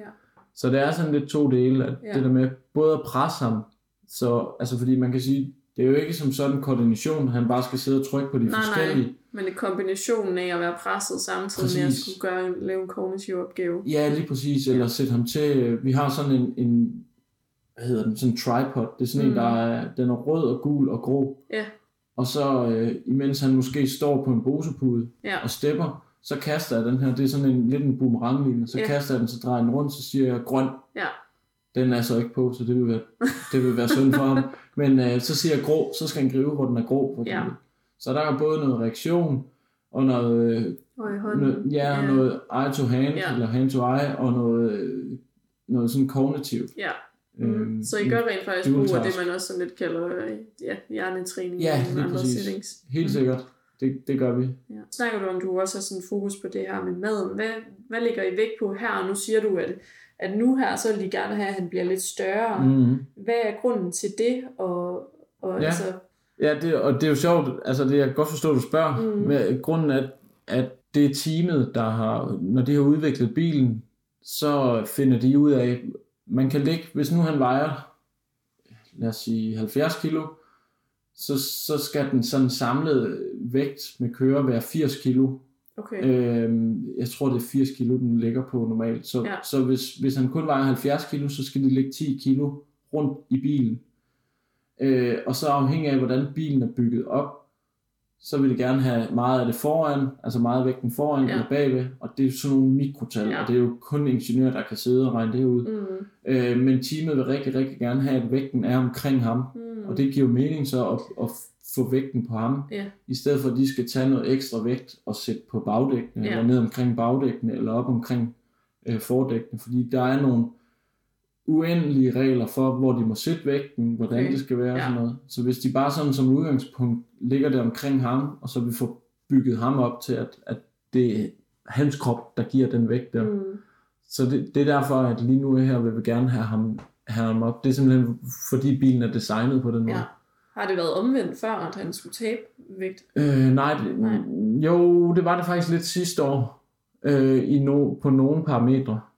Normalt så vil man gerne have, at køren er så let som muligt mm. til Mhm. kvalifikationen om lørdagen. Det har ikke rigtig været et problem i år. Okay. Øhm, og det har igen også noget at gøre med, hvordan bilen er bygget op. Ja. Der er jo hele tiden regler for, hvordan den skal være bygget op. Mm. Og Mm. alle de der aerodynamik gutter der Ja. nede i Italien, de sidder jo og regner og har bilerne i sådan nogle tunneller. Og, Ja. Så det, det har de fundet frem til, at det, det er sådan, det fungerer bedst, at mm. hvis han kommer mere, eller hvis han kommer til at veje mere. Ja. Så jo, sidste år var det sådan mere, at der skulle vi nærmest prøve, hvilket er sådan helt absurd i forhold til, at han skulle ud og køre øh, et hårdt løb om Mm. søndagen. Så skulle vi prøve sådan ikke at afhydrere ham, eller hvad man siger. Vi skulle ikke prøve at sådan cut ham frem til lørdagen, men det var vigtigt, at, at han ikke bare loadede op Ja. frem til kvalifikation. Og det gør jo bare, at mit vindue fra efter kvalifikation og til løbet, Ja. det er jo øh, sindssygt lille, kontra Mhm. hvis jeg har en hel weekend eller en hel uge til at sådan virkelig karpe ham op, Ja, ja, eller få ham loadet op Mm. med... Så musklerne og hjernen har noget at arbejde Præcis, med. lige præcis, har han Ja. en masse energi og en masse, Mm. masse ar- at arbejde med. Ja. Det er svært at først gøre det om lørdagen. Ja. Så hvordan gør du helt sådan praktisk? Jamen altså lige, nu kan man sige, det er jo, det er jo altid lidt federe at, at skal bulke en person, mm. end at skal cutte en, især når det er sådan en hårdt krævende sport, fordi at, at man kan sige, selvfølgelig så er det ikke bare øh, kiks og kager, og, Mm. og, øh, og hvad kan man sige, sådan lidt de kalorier, eller hvad kan man sige, sukker, Mm. Øh, men, men det bliver meget det her med, at vi skal have nogle kulhydrater, som holder rigtig godt, eller vi skal have bygget det op sådan, så han har noget at kan bruge af i Ja. lang tid. Og det kan man sige, det, det kan han sgu ikke på fire snickers. Øh, så er vi nødt til at snakke kylling og, og grøntsager og ris og sådan nogle ting. Så det er faktisk meget sådan det fast mad, han får. Ja. Øh, og så har han sådan lidt mere frit øh, spil, når han er herhjemme. Ja. Men han har været i gamet så mange år, så han har ikke, altså, så sent som i dag snakker jeg lige med ham om det der med, at, at jeg vil hellere have, at han bare nærmest overspiser, fordi mm. jeg gerne vil have, at han, han får noget vægt på.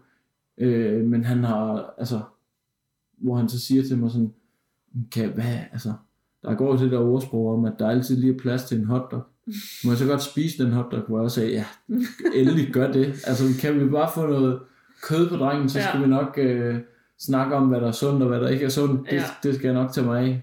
Øh, men nogle gange skal man lige have lidt, lidt frihed til nogle ting. Ja.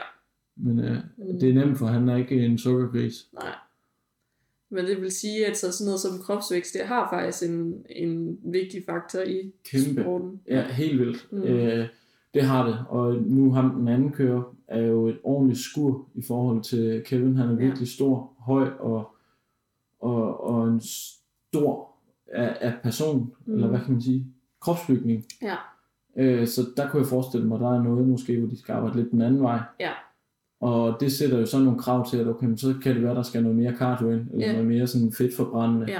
Og man kan sige, jeg er jo lidt i sådan en, en luksus lige nu, at, at vi kan køre hård styrke, Mm. og vi kan også godt køre noget, noget cardio, Ja. men, men stadig det der med, at han skal bare spise og spise og spise. Mm. Øhm, og så han får rigtig meget ris, og rigtig, rigtig meget kylling og grøntsager. Ja, men det er jo sjovt, fordi ja, min første indskydelse ville også have været, at, ha- at man nærmere ville have, at han vejede mindre. Ja, Øh, Men hvis man så har fundet ud af, at det er godt at have vægten omkring ham, Ja. så giver det jo god mening. ja, ja, og det kan være at næste år, det ændrer sig. Ja, Øh, det kan også være efter sommerferien, at de siger, okay, nu er han faktisk alt for langt over.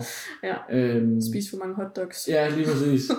Han har trænet alt for tungt og slet ikke Ja. bevæget sig. Ej, så, så det, øhm, det kan sagtens være, at det ændrer sig Ja. om nogle løb. Men, og det er jo det, der også er fedt, at det hele tiden ændrer sig. Ja. Og der hele tiden kommer nye mål eller Mm. planer for, hvad, hvad teamet gerne vil have. Mm. Hvad med sådan noget som sportspsykologi, sådan for at håndtere presset, det pres, der kan være, når man skal performe på det højeste plan inden for Mm. motorsport? Er det noget, I sådan gør i? Ja, det er det. Altså det, øhm, Kevin har haft tilknyttet en, sådan en performance psykolog til Ja. et eller andet. Øh, en, øh, en, øh, en gut, som kender til det, har selv været i, i atletmiljøet og sådan nogle ting. Og, og han, øh, han er med ind over især sådan op til sæsonen, og, altså, og virkelig, hvad kan man sige, få snakket med ham om alle de ting, Ja. ja. som jeg ikke ved særlig meget Mm. om. Altså fordi det er jo mange ting, altså der er jo sindssygt pres Ja. fra fans, det er en Ja. ting, øh, journalister, familie, Sig selv måske. lige præcis sig selv også, altså, og fra mig af, og fra Mm. teamet, altså, så der er sindssygt mange sådan udefra kommende Ja. faktorer, der bare trækker ham i arme og ben. Ja. Så det, det, det er noget, han bruger. Øh, nogle gange mere end andre. Det er lidt forskelligt. Ja. Ja. Mm. Så der er nogen til også at håndtere lidt af de mentale udfordringer, der også kan være i det. Ja. Ja. Nu ved jeg jo ikke, hvis man bare er sådan totalt gavet racerkører, men så ikke har nogen frygt i at køre Ja. så længere, men, men altså, ved du noget om det? Altså, er han nogensinde bange for, at det går galt på banen? Og, Øhm. og er du måske bange for nogle gange, at det går galt? Jamen, det er jo lidt sjovt, fordi at jeg er sgu mere bange for, at jeg er ikke bange for, at der, der sker her noget. Bilerne er jo så sikre, altså at det nærmest er umuligt efterhånden, at, Ja. at de kan komme så galt afsted, at, at det virkelig er noget, noget, noget pis. Men, men jeg vil sige, at, at jeg tror mere, jeg er sådan nervøs for, ej, får han nu en god start, eller Ja. kom nu, få nogle Ja. point, eller et eller andet. Så det er mere sådan performance-delen, Mm. jeg er nervøs for. Ja. Og jeg tror også, altså hvis du begynder, hvis du begynder som racerkører, det er jo, altså det er jo tusinddel af et sekund, vi mm. snakker om, når de kører rundt. Ja. Øh, hvis du som racerkører begynder at, at blive bange for noget, Så det måske der, det går galt. så, så bliver du i hvert fald langsommere. Ja. Og hvis du bliver langsommere, så ryger du ud. Mm. Så, så øhm, det tror jeg ikke, at, Nej. at de, sådan, øh, de sådan gør. Jeg ved, der sidste år i Japan regnede det fuldstændig vildt. Øhm, og der kørte de. Og, og der var de tæt på at køre sammen med en, de næsten ikke kunne se, hvem var. Mm. Altså mange kørende. Og der snakkede vi sådan om efter, at okay, det var, det var for tæt på. Mm. Altså det var virkelig, det var virkelig voldsomt. Ja. Men ellers så tænker han sgu ikke over det. Nej. Så er det bare klampen i bunden Ja. og afsted. Men det måske hænger jo så måske sammen med personlighedstypen, der går ind Ja. i sådan en sportsgren. Helt sikkert. At det måske ikke ligger til en at være så, øh, så nervøst anlagt. Ja, og så tror jeg også det der med, at han er så professionel, Ja. for han er jo pacet Ja. allerede fra, hvad var han, 4-5 år, da han satte sig i en go-kart Mm. første gang. Så det er jo allerede, altså det er jo, nu er han 30, så det er jo 25 år af hans liv, hvor han er blevet Så det- pacet til, at det ikke er farligt. Og det Eller ligger hvor- på ryggraden, og stoler Ja. så meget på sine egne evner. Præcis, Ja. lige præcis. Mm. I forhold til den her viden omkring træning og hvad du skal gøre med sådan elitesportsudøvere og sådan noget, altså har du, har du vidst, hvad du skulle gøre fra start af som, som relativt ny, eller altså kvæg din erfaring med selv at have trænet meget, eller er det noget, du også sådan har skulle altså, tage nogle kurser i, for at kunne være kompetent nok gåseøjne til, Ja. til rollen?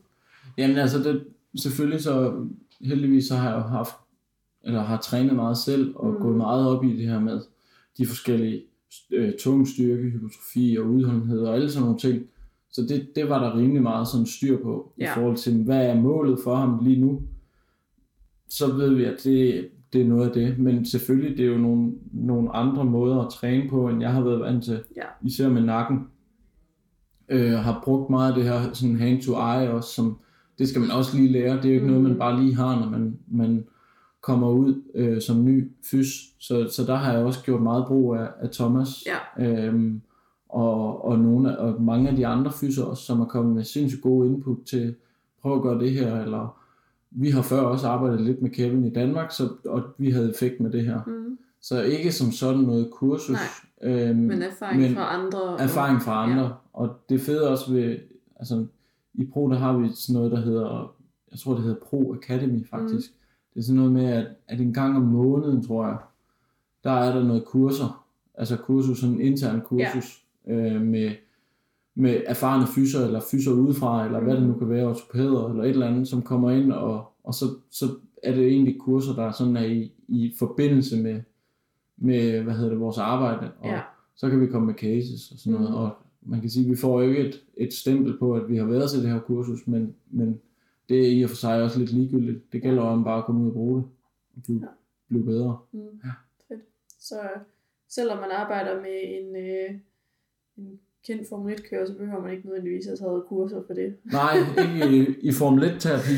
Ja. Nej, nej, det, det gør man ikke, men man skal nok vide lidt om det, og Ja. det gør vi jo heldigvis Mm. mange af os som fyser, og, og hvis man har sådan lidt den her um, øh, gå på mod, eller hvad hedder det, altså interessen Ja. for Formel Ja. 1, så, så er det også nemmere for mig at, at bygge det op, ja. øh, fordi det, jeg, jeg har hele tiden sådan haft en interesse for Formel Ja. 1, så jeg ved, hvordan det foregår, og Så det kommer ting. meget naturligt. Ja, det gør det egentlig Mm. på en eller anden måde. Hvad, hvad vil du sige, der var det allervigtigste fokus at have i forhold til øh, at, altså at være fysioterapeut for en Formel 1 racerkører? Det allervigtigste fokus, mm, jeg tror, det er, altså, at man måske øh, går op i det Mm. på en eller anden måde, for det gør, det giver noget motivation til, til mig, at, at jeg går op i det.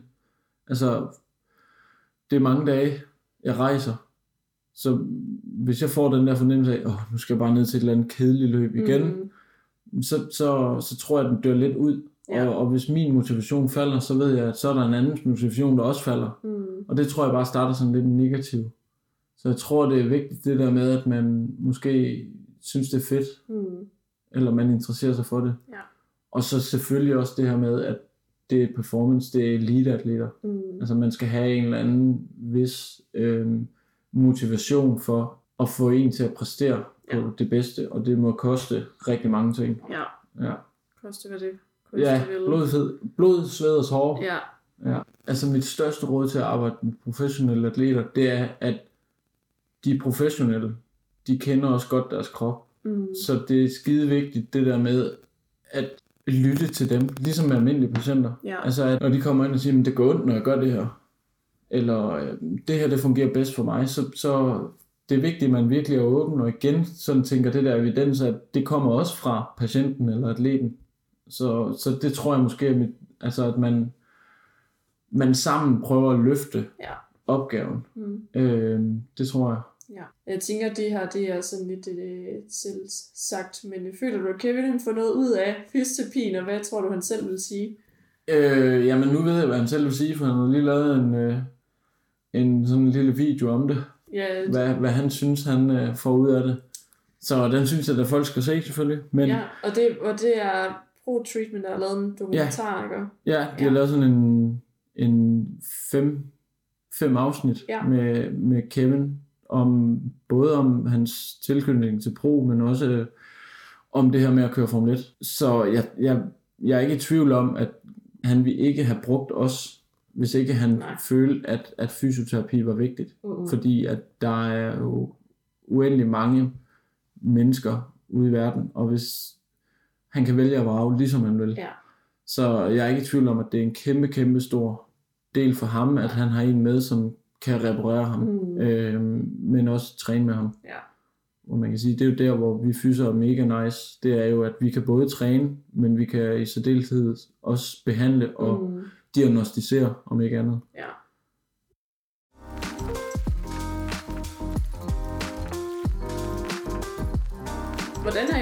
Relation? Er den rent professionel, eller er den også venskabelig efterhånden? Ah, den, er, den er begge dele. Altså, vi, vi er jo sammen 24-7, øh, når vi er afsted, og vi bruger jo tre timer sammen dagligt mm. i, i Danmark også. Så jeg ser ham rigtig, rigtig meget. Ja. Og, og der kan man, man kan ikke være professionel så lang tid, og det skal man heller ikke. Der, Mm. der skal være plads til, at når vi kommer tilbage på hotellet efter en træning, at vi øh, slapper af, går en Ja. tur, ser en film, øh, griner over et eller andet, vi har set, eller snakker om øh, vores venner eller familie. Eller, altså, så det er jo et meget et venskabeligt, hvor vi begge to switcher over i det professionelle, Ja. når, når vi skal. Mm. Og det er noget, jeg, jeg virkelig er overrasket over, hvor god Kevin er til, men faktisk også mig selv. Mm. Øhm, så det, det synes jeg, det er en stor del af det, at, ja. at vi også er venskabelige og spiser også nogle gange sammen og hygger sammen og, og laver ting sammen øh, Ja. med hans familie og med min familie og sådan noget. Så, så det, det er jo blevet sådan venskabeligt. Ja. Ja. Det er måske endnu en grund til, at, at det giver mening, at man har en interesse for, Ja, for det, fordi Helt man skal sikkert. bruge så meget tid sammen. ja, ja, helt sikkert. Mm. Og samtidig så, altså når vi er i Dragør, så starter vi altid ud med lige at, at han banker mig i fodtennis, eller et eller andet, altså, eller vi står og jonglerer Ja. øh, på en eller anden resteplads et eller andet sted, hvor, Ja. hvor autocamperen holder, når mm. vi Mhm. er til løb, eller op på hotelværelset, eller spiller kort og sådan nogle ting. Mm. Så der er hele tiden sådan nogle lidt øh, drengerøvs ting. Fedt. Ja, det er mega fedt. Gør det også til lidt federe oplevelse, måske at skulle så meget væk hjemmefra. Ja, lige præcis. Altså hvis ikke man kunne sammen, så kunne man ikke rejse så meget Nej. sammen. Det, det vil ikke være muligt, og det, det er noget, jeg også synes er fedt. Jeg tænker godt, der kan sidde mange og tænke sådan, jamen, hvor mange penge der er i det, og Mhm. for eksempel at være ja, fys for sådan en som Kevin Magnussen, om du egentlig behøver at have et job herhjemme, eller hvordan, uden du behøver at sætte tal på, men, Ja, men er det sådan, er der bedre penge i det, end at være herhjemme, eller er det mere, at du også får oplevelser, du får også rejserne, Ja. der, eller sådan, Ja, altså det er jo lidt for... Jo, jeg vil nok godt kunne leve af det, Mm. mm. tror jeg. Øhm, nok også fordi, så vil jeg kunne lægge mere tid i det, ja, kan man sige, hvis ikke jeg havde noget herhjemme. mm, Øhm, men, men det er ikke, altså det er ikke noget, hvor jeg bare bliver multi, multimillionær af det. Det, altså det, det, desværre, det vil da være fedt. ja, Men, øhm, men jeg, jeg nyder virkelig det der med faktisk at have både, når jeg er afsted, og når jeg er hjemme. Ja. Altså når jeg, det her med almindelige patienter. mm, Øhm, fordi det er også med til at udvikle mig som, Ja. Som fys. Mm. Altså så jeg ikke bare kun, igen det der med specialist, det er jo også meget specificeret med den Ja. samme nakke, de samme muskler mm, øhm, i kroppen, kan man sige. Så øhm, jeg synes, det er mega fedt at have både ham, øh, men også komme hjem til, til almindelige patienter. Ja. ja. Mm. Så selvom det måske godt kunne, hvis det endelig var, kunne gøre, at du ikke behøvede at lave andet, så vil Mm. du gerne Ja, have begge dele. Ja, lige præcis. Jeg vil, jeg vil gerne have noget fra begge dele. Mm. Altså man kan sige, det er jo også det er jo mange weekender, jeg rejser og sådan nogle ting. Ja. Øhm, og når jeg kommer hjem, øhm, træner jeg ham også tit. Så lad os sige, at jeg, at jeg så øhm, skulle ikke have nogen patienter, så jeg kun rent var på ham, så, så ville det også kræve mere, at, at om så var der mange flere ting, jeg skulle mm. gøre for ham, eller sådan, Ja. øh, og kunne træne ham mere, behandle ham mere og sådan noget. Så det vil jo gå op i, jeg tager jo måske bare halvdelen af mit arbejdsliv og rykker til ham. Mm. Så jeg tror, øh, ja, på den måde tror jeg, det er meget fint, den måde, det er lavet på. Mm.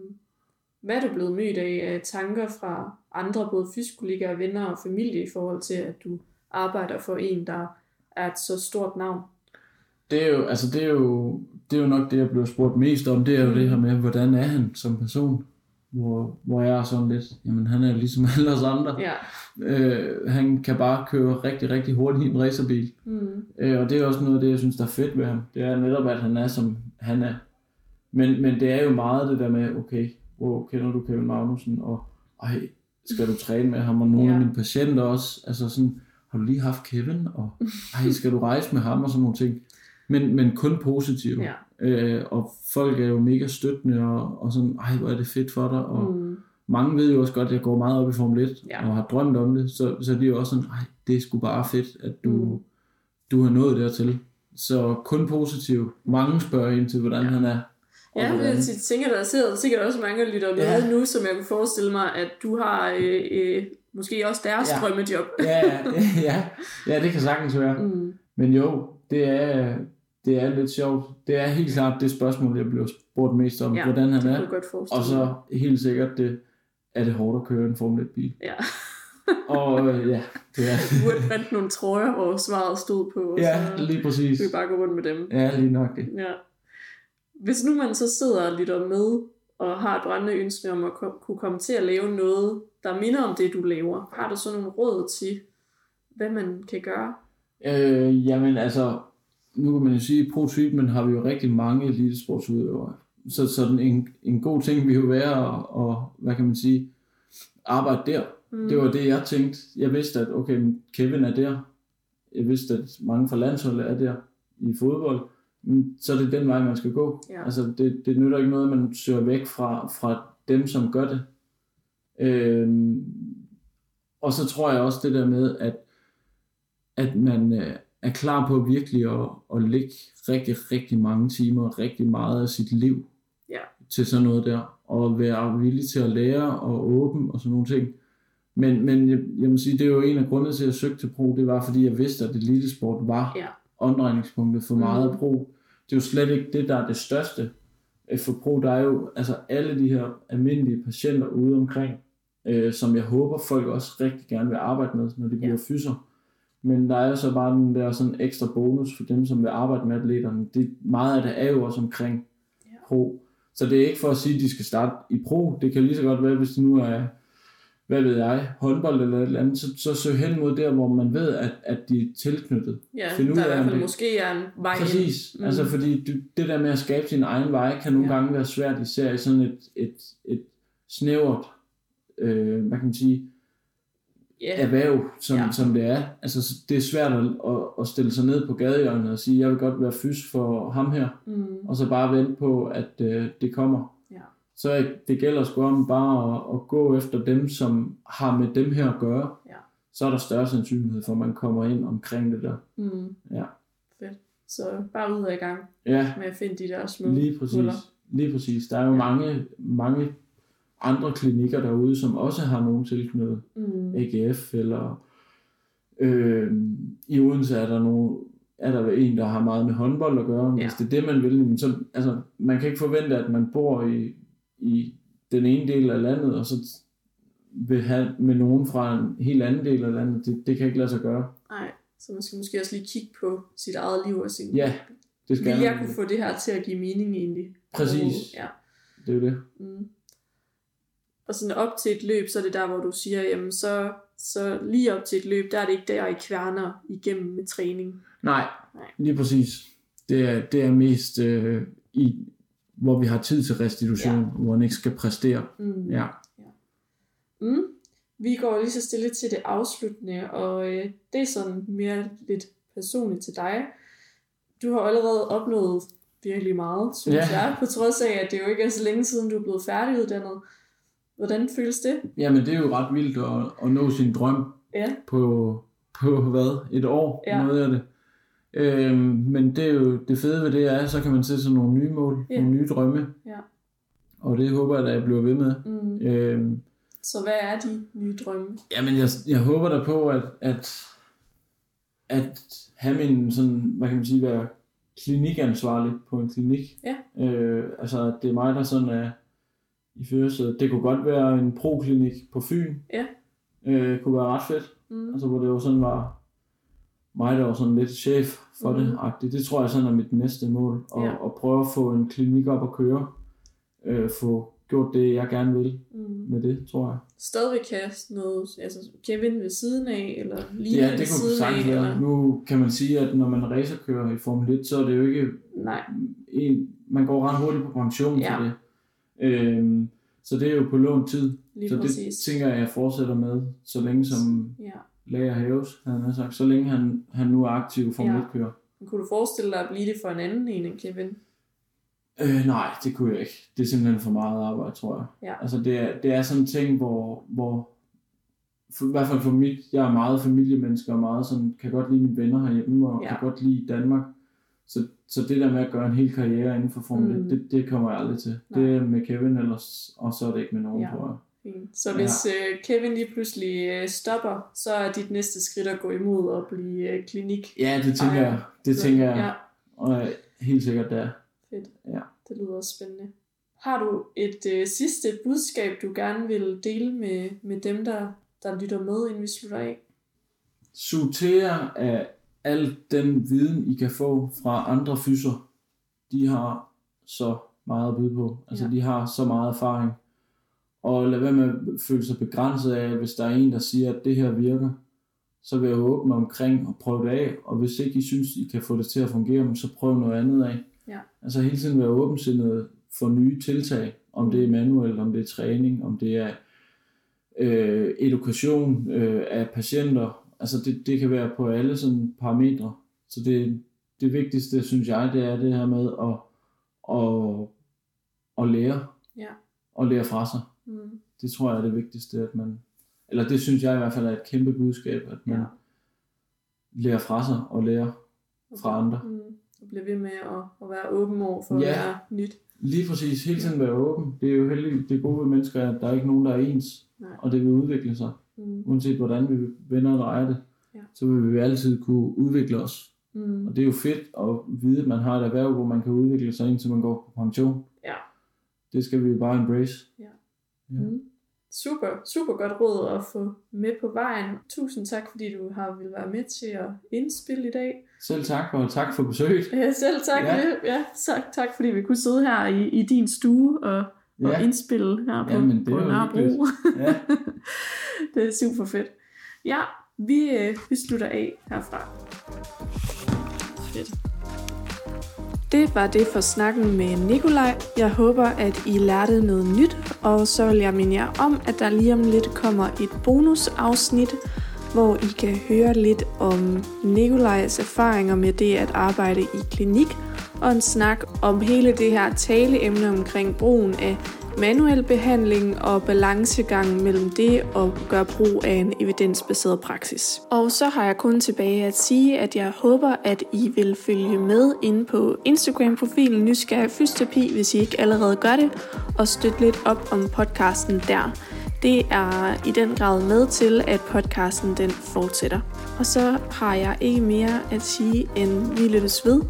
Hej hej.